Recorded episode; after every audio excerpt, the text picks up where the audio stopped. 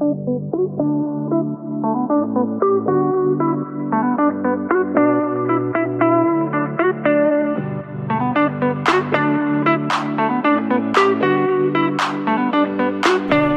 men då var vi tillbaka i tv-rutan tänkte jag säga. Vi är tillbaks i era öron. Mm, äntligen. Och inte fasen har jag fött än.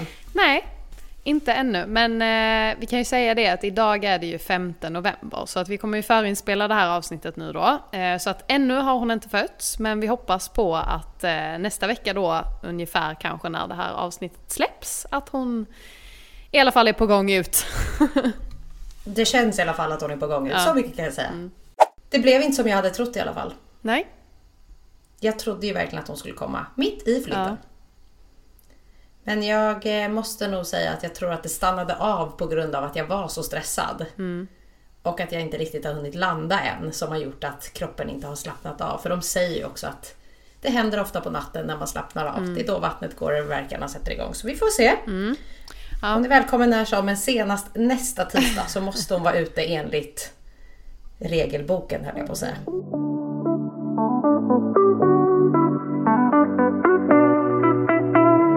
Men eh, det kändes eh, bra att vi hade tid nu att förinspela och eh, vi gillar ju det här så mycket. Så vi vill ju helst inte ha ett hål. Nej. Eh, så att ni får stå ut med att det här är ett förinspelat eh, avsnitt. Där vi återgår till det vi gjorde innan vi tänkte ta en paus. För att vi hade ju en del frågor och eh, vi hann ju inte mer än typ tre frågor sist. Så att eh, då tänkte vi ju att eh, den här gången ska vi inte babbla lika mycket och försöka hinna med lite fler. Men ett fint avsnitt. Verkligen. Det säger vi alltid. Vi gör bara bra avsnitt. Exakt. Så jag tänker att vi går rakt på sak. Och då har vi då fått en fråga som lyder Tror du på att ge folk en andra chans? Jag är ju en person som alltid ger folk andra chanser. Har alltid varit. Och jag tror alltid att jag kommer vara det. Eh, så mitt svar är ja. Och det är nog baserat på att jag hade nog alltid velat ha en andra chans om jag en gång hade gjort bort mig. Och förvänta mig då att eh, man ska kunna ge det till andra också. Sen givetvis pratar vi också om vad det gäller. Ja, exakt. Du kan inte gå och mörda någon och sen få en andra chans av mig. Nej, Nej Det men såklart. inte. Alltså, det är ju alltid beroende på situation, allting liksom. Mm. Men alltså, jag är nog lite mer av en... Alltså jag ger nog inte alltid en andra chans. För jag kan nog ibland känna att så här, sumpade du det första gången så... Alltså finns det ändå typ ingen återvändo. Alltså lite så kan jag känna. Mm. Att så här, men det är inte ens lönt att jag ger dig en andra chans typ. Ehm, Och det är ju baserat på också att du har gett folk andra chanser eh, som har visat sig att det inte var värt det heller. mm, ja men såklart. Alltså, men... ehm, ja, Jag vet ju att jag har varit på dig också med att så här, du kan inte bara ge upp när det, liksom, nej. när det blir dåligt. Att ibland är det värt att ge den en andra chans för att... Men jag tror också att det är baserat på att jag tror på att eh, saker kommer aldrig bli hundra oavsett vad. Nej. Eh, I att så här, jag tror starkt på att folk gör bort sig. Jag tror starkt på att man gör saker man ångrar. Jag tror starkt på att människor eh, är värda en andra chans för att också få känna att det faktiskt finns någon som tror på en. Eh, oavsett vad det egentligen grundar sig i. Sen kan jag säga att jag har gett alldeles för många en andra chans. Som absolut inte förtjänar en andra chans. Men jag har också gett eh, en andra chans till folk som jag vet att människor runt omkring mig aldrig skulle ge en andra chans. Och det slutade med att jag är stolt över mig själv, att jag vågade tro på att det faktiskt skulle bli bättre. Eh, så jag, jag svarar ja. Jag kommer nog alltid vara den. Ja, alltså jag är nog lite mittemellan. Eh, lite Mm. kanske, alltså beroende på situation som sagt. Alltså för att jag, alltså vissa beslut jag har tagit där jag inte har gett personen en andra chans känner jag är ett bra beslut liksom. Så att mm. mm, det är nog lite mittemellan för mig. För att jag tror ändå att så här. Ja, alltså jag, jag känner att vissa saker det är inte värt en andra chans typ. Alltså Nej. det kommer bara vara alltså, huvudvärk rakt igenom. Alltså så här, ger man... Alltså det jag tänker på när jag tänker på en andra chans det var ju typ eh, en kompis som jag hade för x antal år sedan nu. Ehm, som var alltså min närmsta vän där och då och hade varit i typ så här 6-7 år. Men där hon gjorde någonting, där hon tog ett beslut, där jag kände att så här, eh, ja men där jag bara kände att så här, men jag kan inte lita på dig längre. Alltså du Mm. är inte en person som jag känner att jag alltså, vill ens ha nära mig. För att jag känner att du alltså ljuger, du... Ja, det var liksom bara en kaossituation. Där hon ville ha en andra chans, där hon var så här, ja ah, men jag ber om ursäkt men bla bla bla. Och ehm, jag kände väl där och då att så här om jag liksom godtar hennes ursäkt och ger henne en andra chans så vet jag att den här situationen kommer uppstå igen. Och därför så väljer jag att bara säga nej tack. Ja, alltså vissa, vissa ställen är ju också, även om jag talar emot mig själv om att jag alltid vill försöka ge människor en andra chans. Så hade jag ju exempelvis aldrig gett dig en andra chans om du hade vänstrat med Pagge. Nej, Liksom, men hur mycket jag älskar er båda två. Så vissa saker är så här, aldrig livet. Medan vissa saker kämpar man ju lite hårdare för, för att eh, Ja, som sagt. Vi, vi, vi alla har möjligheten att eh, förbättra efter att vi har gjort bort oss. Men vissa saker är bara hell to the fucking no. Alltså. Finns det några typer av konversationer som gör dig obekväm? Ska jag börja och säga vad du tycker är Eh, obekvämt? Ja, såklart. Alltså what the fuck. Det är ju jättekonstigt om man inte skulle tycka att någon konversation överhuvudtaget är obekväm. Undrar om det finns folk som på riktigt tycker att nej, inget är obekvämt. Jag tror, folk som säger nej det finns ingenting som jag tycker är obekvämt att prata om. Alltså, Jag skulle vilja säga att Brian, Pascals bästa jag tänkte vän, faktiskt också på Brian. Eh, men alltså så här, jag tror ändå att de blir obekväma, men när de blir obekväma så liksom tar de eh, tag i situationen genom att då föra konversationen. Förstår du vad jag menar? Att så här, att om någon börjar prata om någonting som man känner blir obekvämt och man kanske ställer en fråga till personen. Då blir de så här, då, då kommer de hellre styra konversationen för att sen kunna kanske styra in den på något annat. Eller, alltså förstår du? Jag tror att det är mer en sån typ av person. för han är ju verkligen en person som gillar att ta upp skumma ämnen Mm. eller få folk att känna sig obekväma. Ja men exakt, och då är det ju, alltså ja. Och, Nu hänger vi ut dig här, Ja, men exakt. så är det faktiskt. ja men och det, det kan ju också vara ett så här sätt att bara så här, ja, men man, att man tycker att det är lite kul, att man, ser andra obekväma. Men eh, alltså, jag tror inte att det finns en enda människa som inte tycker att någon konversation är obekväm. Liksom. Och sen så finns det ju obekväm och obekväm. Alltså Såklart. två olika typer av obekväm. Jag vet ju att du blir otroligt obekväm av sex, snack. Ja, men alltså jag vet inte. Jag tycker att det är så här, äh, alltså för mig är det typ för privat. Alltså jag kan ju prata om vissa delar liksom. Men jag tycker när man liksom går in på liksom detaljer eller alltså nej jag känner bara jag har inte något intresse av att veta och jag känner inte att jag behöver dela med mig heller. Nej. Men det vet jag verkligen är någonting. Alltså det är inte så att jag sitter och pratar Mm. Nej, med dig nej. om Pagges. Men jag, jag kan ju... Men du kan ju typ dig. bara såhär, ah fy fan vi hade så jävla nice sex igår typ. Och då blir jag såhär, Ja, ja, ja. okej. ja, Ja, då går vi vidare. Ja. Och det vet jag att du tycker. Och jag kan ju hetsa med Ja, dig exakt. Mm. ibland bara för att jag vet att du blir obekväm av det. Så det är inte bara Brian utan det är jag också. Vadå, vad tycker du är obekvämt att prata om? Jag vet inte. Men ja, nej, det kanske inte är så jätte... Jag kan inte komma på någonting så specifikt som gör mig obekväm att prata om. Mm. Vi är ju inte riktigt obekväma kanske med att prata om någonting, men... Eller... Ja, någonting som gör mig obekväm också, det är ju att prata alltså, känslor eller att prata så här. Alltså sitta och liksom titta varandra in i ögonen och prata djupt. Det, var, alltså, det gör mig jätteobekväm. Alltså jag vill bara... Alltså jag vill bara skratta och gråta och eh, alltså kolla åt ett annat håll typ.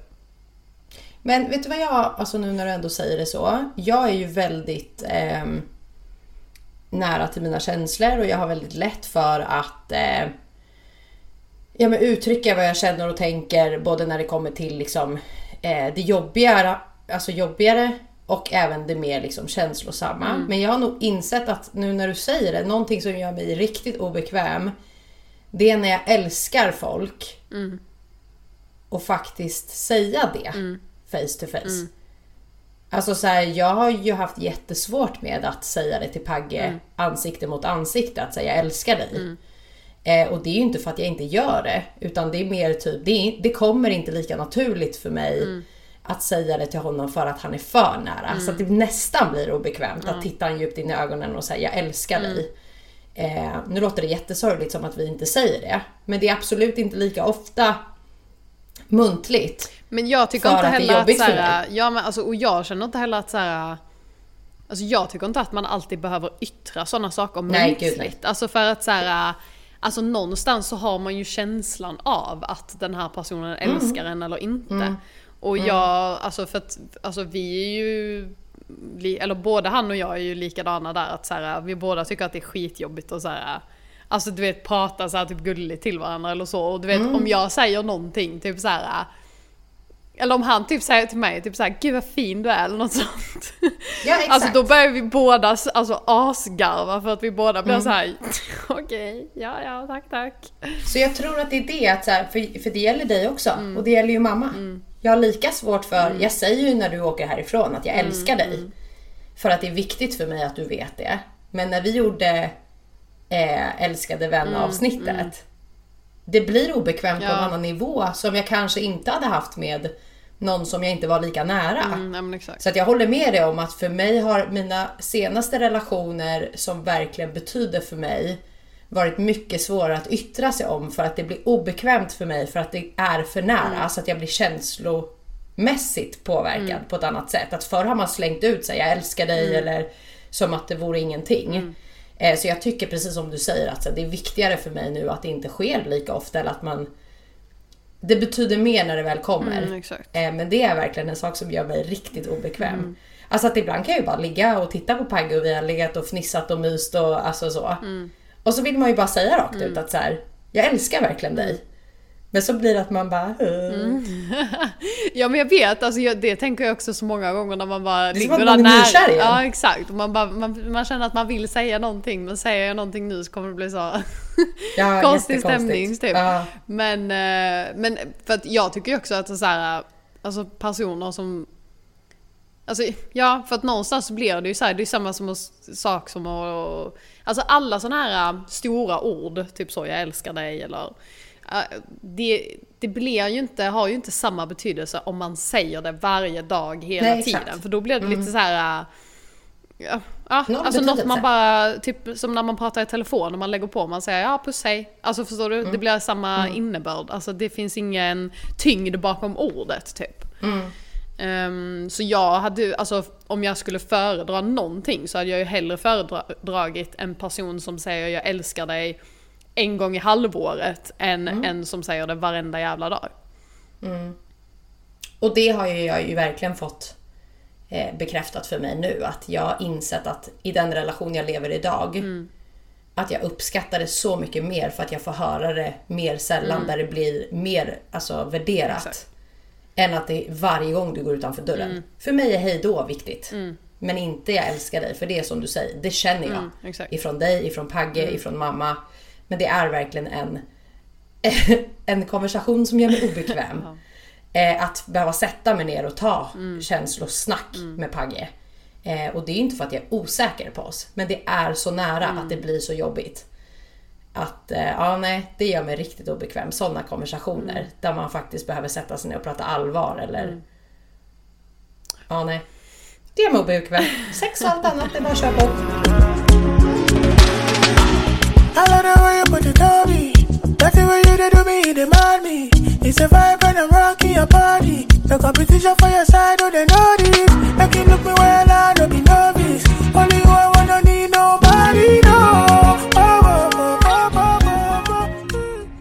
Vad gav dig ångest senast? Ja, men alltså det måste ju vara hela grejen med att hon skulle komma mitt i flytten. Ja, ja gud eh, Det och sen det vi pratade om förra veckan. Att vara så långt ifrån min familj. Eh, det gav mig grov ångest. Det, alltså, det var jätte, jättejobbigt. Men har det känts det lika måste starkt denna veckan eller? Nej men eh, nu har det varit så mycket. Jag känner bara att jag inte har hunnit landa. Nu tror jag bara att så här. ehm, nu är jag så uppe på rosa moln i en ny lägenhet. Eh, att det har blivit så fint och att liksom, nu känner jag typ att hon kan vänta lite. Att så här, nu vill jag bara leva i min nya lia med Pagge. Och, Så att jag har släppt alla de känslorna. Eh, så nej, det har det inte. Men det, det, jag tror att det är exakt det. Eh, att hon skulle komma mitt i flytten, checkade av att det inte hände. Och sen att familjen är så långt borta. Eh, det gav mig grov ångest. Eh, och sen så fick jag ju veta under den här veckan att mamma har ju tagit semester. För att kunna vara här under en längre period när hon har kommit. Och det lugnade mig lite för att det, det kanske också ger mig lite kraft av att så här, då får jag ju känna hur det känns också.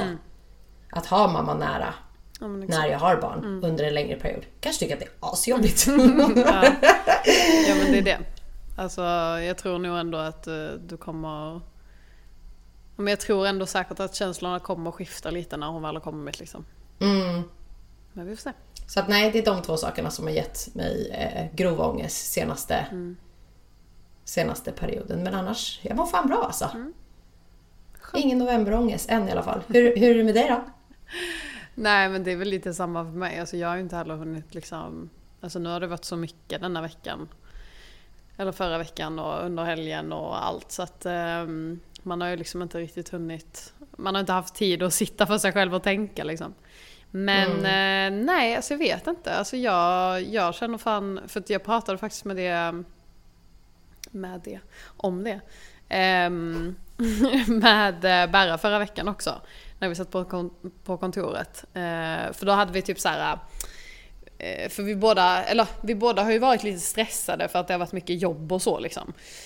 Eh, Så då körde vi typ så här eh, 15 minuter så här andningsövning. Mm, och så gjorde vi det och sen så efteråt så typ satt vi och pratade lite och han bara, ah, men hur... Eh, han bara, för jag har känt mig lite så här. Ja men att han har haft lite ångest och så kanske. Över vissa grejer och då han bara, ah, men hur känns det för dig liksom i livet nu och bla bla bla. Och då, alltså jag kände bara att så här, jag mår fan skitbra just nu ändå alltså. Och jag har fan inte Det haft syns. något, eh, alltså jag har fan inte haft någon ångest alltså. Över något specifikt. Nej. Så att, ehm, nej. Min eh, novemberångest har inte heller hunnit komma. Och den ska inte Den komma. ska inte komma. Nej. Jag kan säga en sak som, det har jag inte ens nämnt för dig. Jag har haft lite ångest över att jag vet ju att du kommer komma. Alltså så fort vi liksom släpper in att ni får komma hit.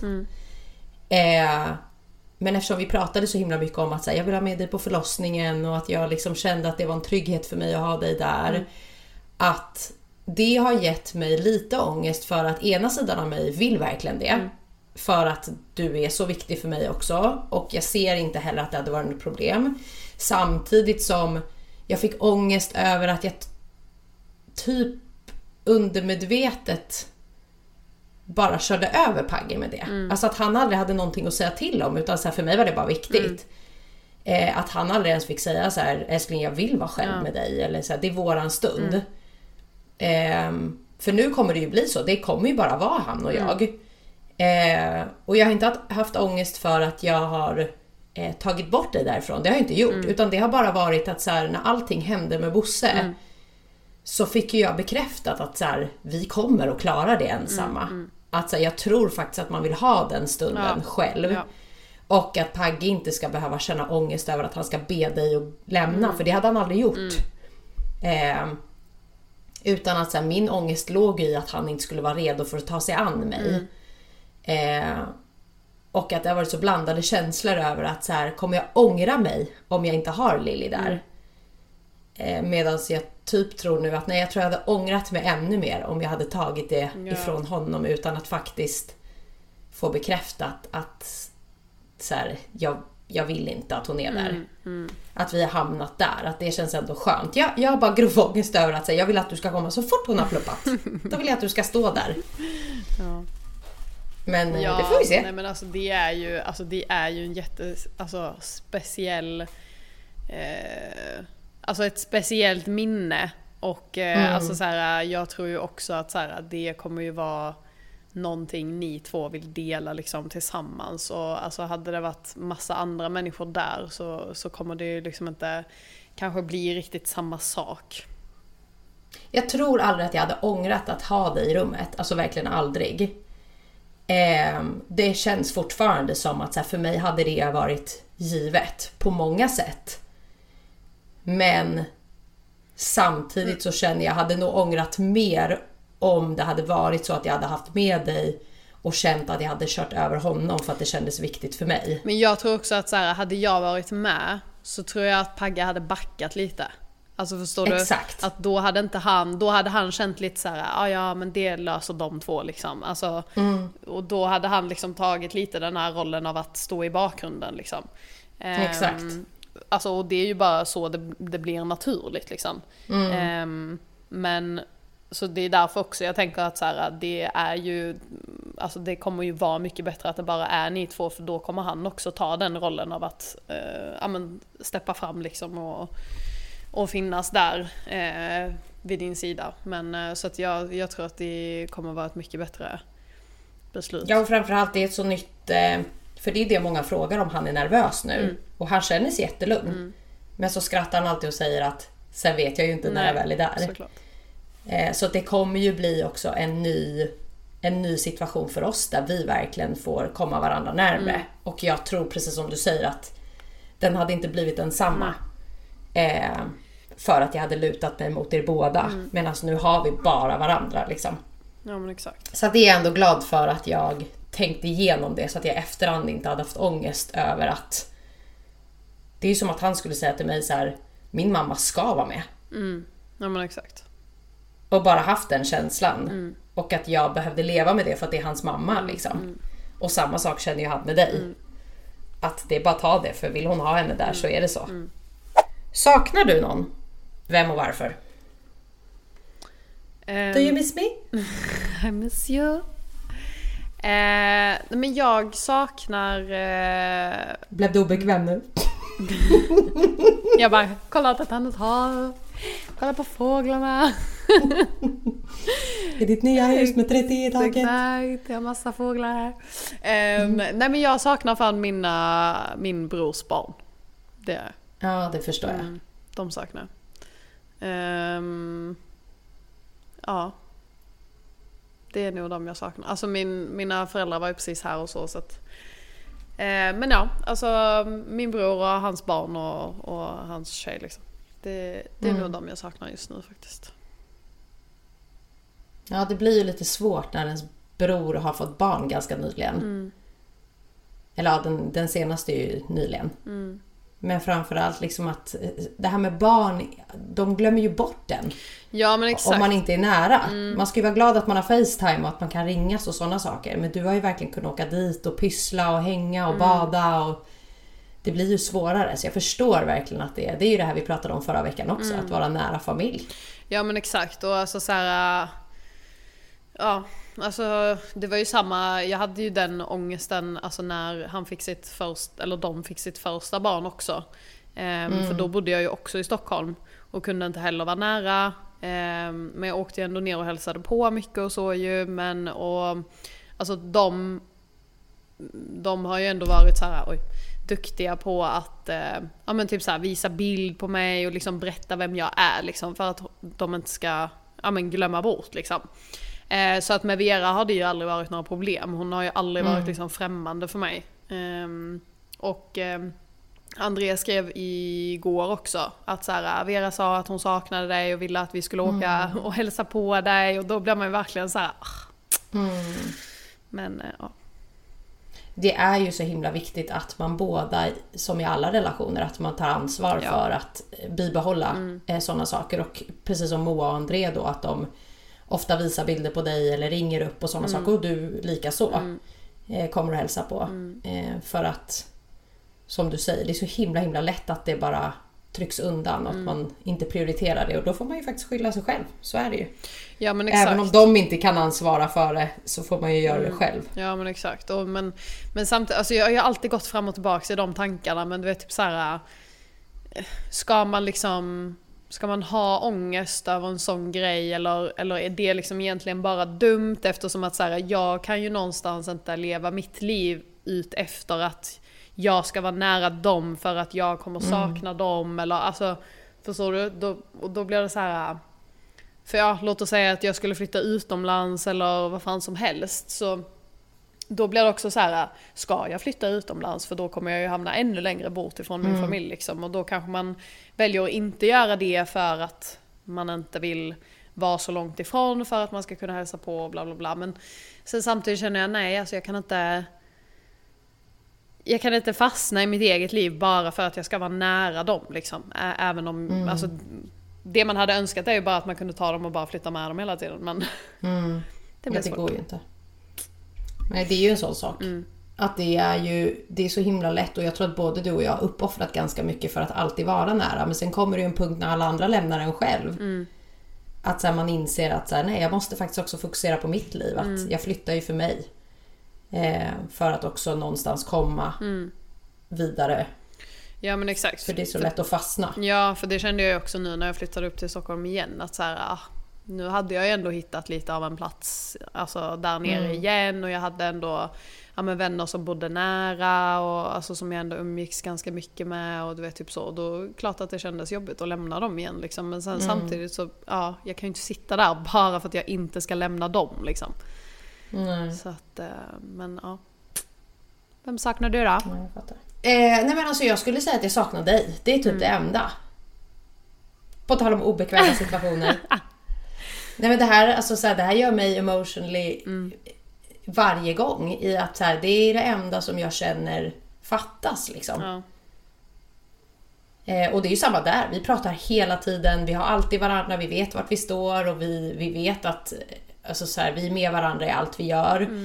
Men det var som du fyllde år igår, det är första gången på länge som jag inte är med. Jag har alltid dykt upp, vi har alltid varit med varandra de senaste åren. Eh, att det bara hade känts... Allt hade klaffat om vi var i samma stad. ja. Så. Eh, sen är det klart att så här, ah, man, som vi pratade eh, om innan, att det finns vänner man kanske saknar som man har eh, eh, fångat upp kontakt med igen och sådana saker. Men det finns ingen som jag saknar så mycket i mitt liv som dig. Även om du är på andra sidan telefonen. Och det är väl för att vi är så pass nära. Och vi har så jävla roligt när vi umgås och vi är så tajta. Och det är liksom en familjemedlem för mig som bidrar till så mycket att jag genuint mår bra. Ehm, men i övrigt så känns liksom som att allt har fallit på plats. Att de här andra saknaderna är precis som du säger, de kan man lösa med ett Facetime-samtal eller jag kan ringa mamma om jag saknar henne och bara prata ut eller men dig genuint saknar jag att vara nära. Och det har ju vi pratat om länge i podden att hade det inte varit där vi var idag båda två så hade vi bott ihop, punkt. Alltså vi hade mötts i en stad där vi båda hade varit bekväma och kört på i vårat race. Men annars känner jag bara att så här, som jag har pratat om tidigare, att förr var jag liksom en olycklig person med lyckliga stunder. Medan nu är jag verkligen en lycklig person som upplever olyckliga stunder som är normalt. Men jag önskade ibland att om jag bara fick rätta till det där sista, sista, sista. Ja. Så hade det varit att vi bodde grannar Ja, eller... ehm, för alltså vår relation, jag, jag vet att våra lyssnare och att folk som känner oss vet att så här, alltså vår relation är sjuk. Jag vet inte ens hur vi blev så här. Men det, det är en helg, en dag, en timma, en halvtimme. Det ger så mycket. Det, är så, det är som att man laddar batteriet på nytt. Alltså jag kan vara hur ledsen som helst, känna mig hur deprimerad som helst och så fort vi har hängt så bara mår jag bra igen. Ja. Så att det saknar jag. Ja. Att vi bara har vägg i vägg att springa till varandra och bara umgås en stund. Ja men exakt, bara kunna hänga de små stunderna liksom bara så här, ta en fika eller bara, alltså Mm. bara sitta och snacka lite för det är klart att det inte blir alltså riktigt samma sak att sitta och prata över, över Facetime liksom. Nej. Så att, ehm, ja. Det här är ju våran terapi, Mm. alltså att vi har en podd gemensamt. Vi har ju pratat om det, att så här, fan vad kul att vi ska kunna Mm, lyssna tillbaks på det här, Ja. för det finns ju sparat. Men att för oss är inte det här ett jobb, utan det här är ju vårt sätt att verkligen hänga och prata Mm. ut, gråta ut, prata om saker och komma varandra ännu närmre. Mm. Eh, men varje gång vi har suttit i en poddstudio gemensamt Mm. så är det så här. Alltså om, om jag fick drömma så är fan det det enda som fattas i mitt liv just nu känner jag. Att vi två har varandra för att då, nej men då känns livet komplett. Mm. Du är min största kärlek i livet. När det kommer till liksom en kvinnlig roll av att så här, Jag måste ha henne nära. Eh, så att det är typ det enda jag saknar. Att, vi är, att vi är för långt ifrån varandra även om det bara är fem timmar eller tre timmar med tåg.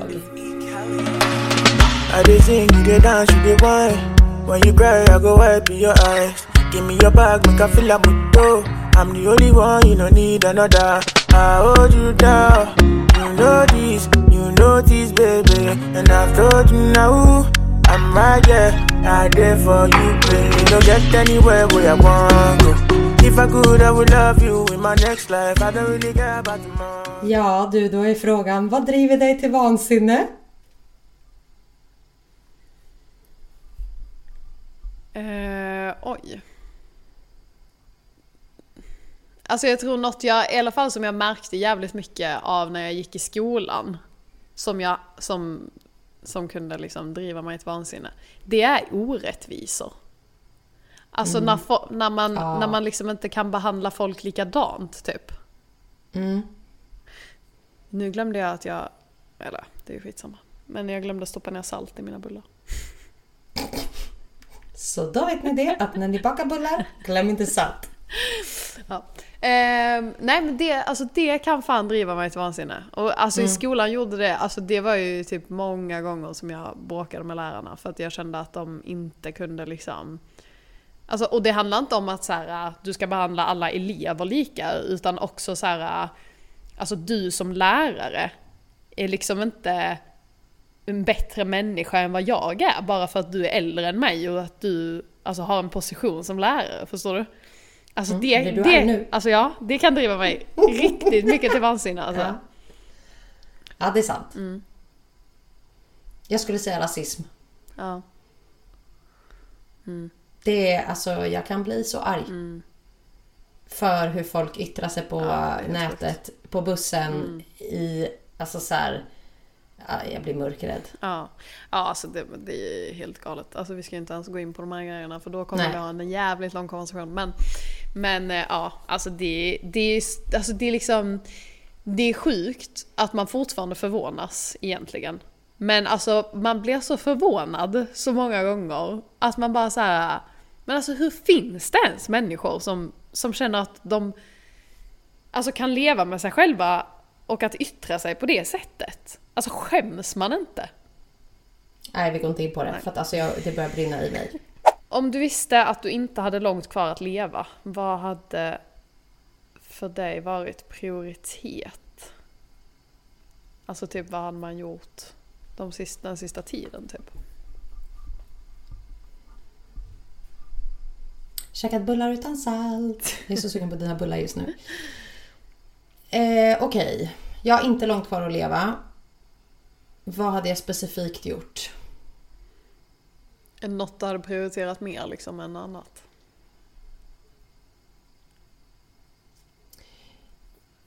Alltså man vill ju säga att det man absolut vill prioritera bort är att gnälla över små saker. Jag sitter ju hela tiden just nu och tittar på Pagge och bara så här, mannen det är krig i Gaza, släpp det.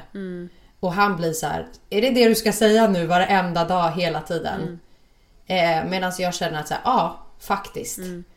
Att jag tror att jag hade prioriterat att bara ehm, se bort all negativitet, alltså så små saker som stör mig i livet och bara försöka se hur pass bra man faktiskt har det.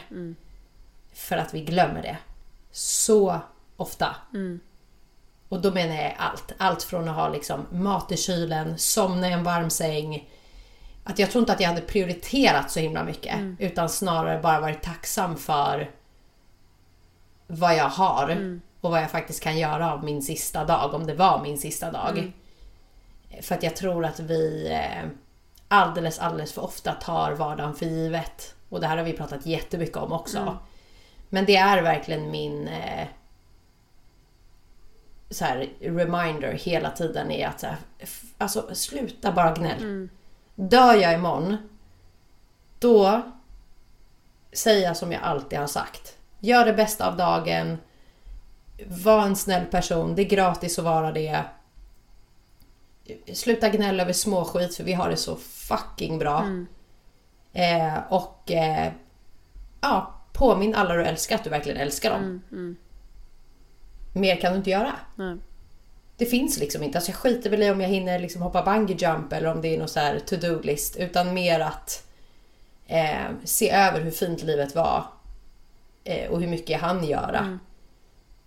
Jag skulle nog inte prioritera någonting mer än att bara känna att när jag faktiskt går och lägger mig och eh, ska somna att jag är stolt över vem jag var idag och vad jag gjorde. Mm. Och att eh, ja, men att jag somnade tryggt, typ. Mm. Det är väl kanske det jag skulle prioritera. Att somna på, på rätt plats. Mm. Med dem jag älskade. Ja. Jag hade samlat alla jag älskade. Hållit över handen. handen. Ja. ja. Nej men det är väl lite, alltså jag tänker väl lite samma sak liksom. Mm. Och eh, jag tänker nu när du ändå nämnde det också så kanske vi faktiskt ska ta tillfället i akt och eh, prata om situationen som pågår också. Med Mm. eh, Gaza. Och eh, kaoset som råder. Jag är ju inte jätteinsatt Inte jag. Ehm, i hela liksom, ja men i princip varför, alltså varför det här kriget pågår. Men eh, det är ju helt sjukt. Vad mycket människor det är som dör alltså. Mm. Jag tror också när vi pratade om i tidigare avsnitt det här med att faktiskt eh, våga prata, att vara öppen, att nyttja sina sociala kanaler. Mm. Att eh, prata om det i skolan, att prata om det hemma. Det är ju precis som du säger att man behöver inte vara insatt för att ha en åsikt. Mm. Man behöver inte vara insatt för att ehm, yttra sig. Men jag tror att man överlag som människa behöver se över just det här som jag precis nämnde. Mm. Hur bra vi har det. Mm.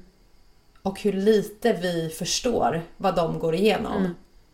Och hur mycket vi som individer kan göra för att faktiskt också ta vara på det livet vi lever. Mm. Som absolut inte ens i närheten eller någonsin kommer gå igenom det alla de här personerna dagligen, minut för minut, sekund för sekund få se mitt framför ögonen. Mm. Eh, och påminna alla om som lyssnar att det finns ingenting i din vardag som någonsin kommer vara i närheten eller toucha den ytan som de varje dag touchar. Mm. Och jag vet att folk säger till mig att så här, jo men man måste få gnälla och man måste få ha ångest. Det är inte det jag säger. Men man kan också tänka på hur oviktigt det är att gnälla över små saker. Mm. Att känna de känslor man kanske dagligen eller någon gång i veckan känner över skit. Mm. Och faktiskt börja ha lite medkänsla för dem som dygnet runt just nu kämpar för att överleva eller för att inte bli av med dem man älskar. Eller bara det här klippet som går viralt nu av den här mamman som pussar på sitt barn Mm. inlindad i liksom ett lakan. Mm. Vi kommer aldrig förstå. Nej. Nej. Så att alltså det är fruktansvärt. Det är verkligen fruktansvärt. Jag vet inte, det har väl hållit på en månad nu typ. Ja. Ja, och jag vet inte om det, alltså situationen har blivit lugnare eller bättre eller sämre eller... Men eh, om vi ska dra lite fakta för de som inte vet vad konflikten handlar om, till exempel som jag. Eh, då är det att eh, det handlar om staten Israel eh, som upprättats på mark som palestinierna ser som sin. Det är så fruktansvärt att, att det ska behöva gå så långt för att man vill ta över mark. Ja, exakt. Så det är isra- israeler och palestinier eh, som konkurrerar om samma landområde. Alltså, jag vet inte. Det känns ju som att det är så svårt också att liksom förstå varför man krigar över land. Men alltså i grunden såklart så handlar det ju om pengar. För att man känner att man kan vinna någonting på att ha den marken liksom. Men och, och alltså, man är ju så otroligt lite insatt i egentligen hur alltså, strukturen i liksom världen ser ut. Alltså vad, vad krävs för att liksom ett land ska kunna leva och utvecklas och ja, ha sina liksom, ett företag men ja, du förstår vad jag menar. Ehm, Så att man har ju liksom så dålig koll så det man känner är ju bara så här hur kan man ens alltså kriga, hur kan man ens alltså döda folk på det här sättet för mark? Mm. Och det, eh, det är så svårt att liksom sätta sig in i och det är ju också så här. eh, Pratade med eh, min sambos mamma också. Och jag har också vänner sedan tidigare med vars föräldrar har flytt ifrån krig. Och det är så här. Alltså de säger ju det själva med att så här, nu när man sitter här liksom och man har haft ett bra liv, alltså jättelänge. Då är det också, alltså återigen så svårt att liksom sätta sig in eller försöka förstå situationen hur de har det liksom. Ehm, även om man kan så här, alltså det är klart att när man ser det, att man, att man känner så här, men gud vad hemskt. Men det är liksom, man, man kan ju ändå liksom någonstans ändå inte förstå på det sättet hur det alltså, är att vara där. Alltså ens eget liv är ju alltså verkligen ingenting att klaga över liksom. Fläckfritt Mm. egentligen. Exakt. Jag tror, precis som du säger, att eh, vi ser så himla mycket på nyheterna, på sociala medier. Vi hör, vi läser och vi kommer aldrig kunna föreställa oss förrän man har varit där. Mm.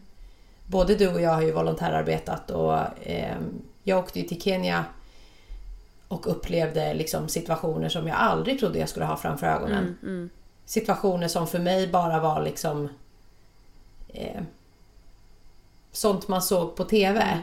Och när man väl var framme, jag kommer ihåg att jag som inte ens är troende Mm. slängde aldrig mat efter den resan. Mm. Jag bad till någon Mm. innan varje måltid. För det var det man gjorde där. Mm. Att även när jag kom hem så bad jag liksom i mitt huvud för att det kändes rätt. Att det var det minsta jag kunde göra. Mm. Och att jag aldrig någonsin ville liksom gnälla över saker som för mig var normalt att gnälla på tidigare. Mm. Allt ifrån att jag hade fått en present som inte var i rätt färg eller Mm. att jag skulle verkligen uppmana fler till att på något sätt eh, våga ge sig ut och kanske inte till Gaza nu. Nej. Men att ta sig till volontärarbeten där man faktiskt kan hjälpa till och bidra eh, gratis. Mm. För att någonstans rannsaka sig själv om en förståelse för hur bra man har det. Ja, exakt. För det ger en så mycket som individ. Alltså jag har fått så mycket av mina resor till Kenya. Mm. Jag har lärt mig så mycket om mig själv och om eh, det här hur bra ställt vi har det. Mm. Och att det verkligen är en uppmaning för att du kommer aldrig förstå genom att se på TV eller läsa eller skriva. Eh, jag tycker bara att det är så otroligt, otroligt sorgligt att att människor ska behöva gå igenom det här och här sitter vi och gnäller liksom över Mm, ingenting. Mm. Eh, Så att ja, en, en uppmaning till våra lyssnare den här veckan är att hur långt borta det än känns och även om vi aldrig kommer hamna där förmodligen och hur lite det än känns att vi kan göra så är det lättaste vi kan göra att rannsaka oss själva. För att, eh, nej fan alltså vi får inte gnälla. Nej. Jag är ledsen. Det, det, det går inte. Nej. Nej. ehm, jag sökte också nu på vad man kan göra för människorna i Gaza. Ehm, och det står eh, att mest akut just nu är eh, att det råder brist på mat, vatten och vård. Ehm, Av erfarenhet så kan jag säga att när vi åkte till Kenya så fick vi veta att det var så många organisationer som kunde hjälpa till. Men mycket handlar ju också om att när du ger bort saker till organisationer så försvinner de till staten där nere. Eller liksom till deras, alltså det går till fel personer. Unicef är ju verkligen bevisat och riktat på att pengarna du lägger på Unicef går raka vägen till, människorna, liksom. till människorna som faktiskt behöver dem. Så att kan du bidra med liksom 50 kronor, 100 kronor, gör det. För att det är så mycket pengar för dem där nere och det är så mycket som de kan hjälpa till med. Eh, om du är osäker på Unicef, läs på. Är du osäker på vart du ska vända dig för att kunna hjälpa på ett eller annat sätt, googla. Det tar så lite av din tid. Ja men exakt. Jag, eh, Det finns ju jättemycket hjälporganisationer liksom. Men, men eh, det är ju som, som du säger att så här, För det märkte ju vi också när, när jag var och volontärade att så här, vissa eh, liksom, organisationer är kanske inte där på plats och hjälper till alltså, så mycket som det kanske är menat att de ska göra ändå. Ehm, så att eh, man får nog absolut läsa på lite innan man kanske lägger i, alltså, massa pengar på någon organisation. Att man, så att man vet att det liksom verkligen ja, men går till att hjälpa människorna där. Liksom. Mm. Ja, det finns, så, det finns så mycket man faktiskt kan göra som man inte vet om. Mm. Och det krävs inte heller jättemycket kronor för att göra en liten skillnad. Och gör alla något precis som Ja, vanligt exakt. så kommer det att generera Mm. till eh, det ena eller det andra. Och då menar vi inte att pengarna gör att kriget slutar. Men vården nere på plats Mm. kan underlätta för dem som faktiskt... Fortfarande lever Är- liksom. Ja, exakt. Mm. Om du funderar på att volontärarbeta så skulle jag verkligen säga gör det. Det är det häftigaste jag gjort. Mm. Det lär en Det är- väldigt, väldigt mycket. Alltså verkligen. Ja, Eh, och, man får så ett jävla perspektiv på Mm. livet och hur bra man faktiskt har det. ja men exakt. Mm, hörni, det här var allt för den här veckan. Vi får väl eh, se om vi hörs. ja, det får vi göra. Men eh, förhoppningsvis så, så hörs vi ju nästa vecka igen. Men om vi inte gör det så, så eh, vet ni ju varför. Ehm, Mm. Men ja, verkligen tänka på att inte fastna på de här små sakerna man tänker att man tycker är jobbigt som kanske egentligen i det stora hela inte betyder någonting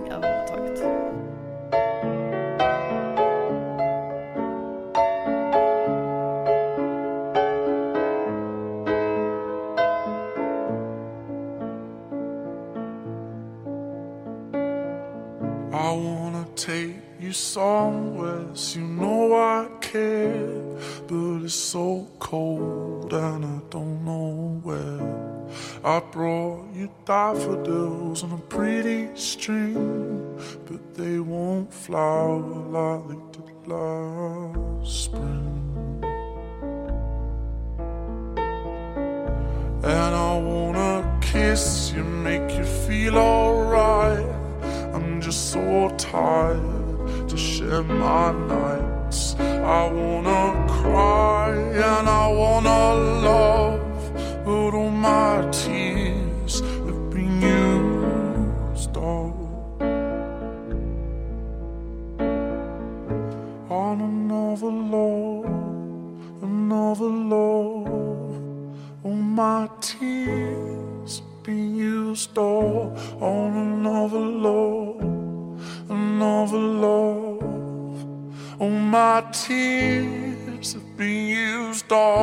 on another love, another love.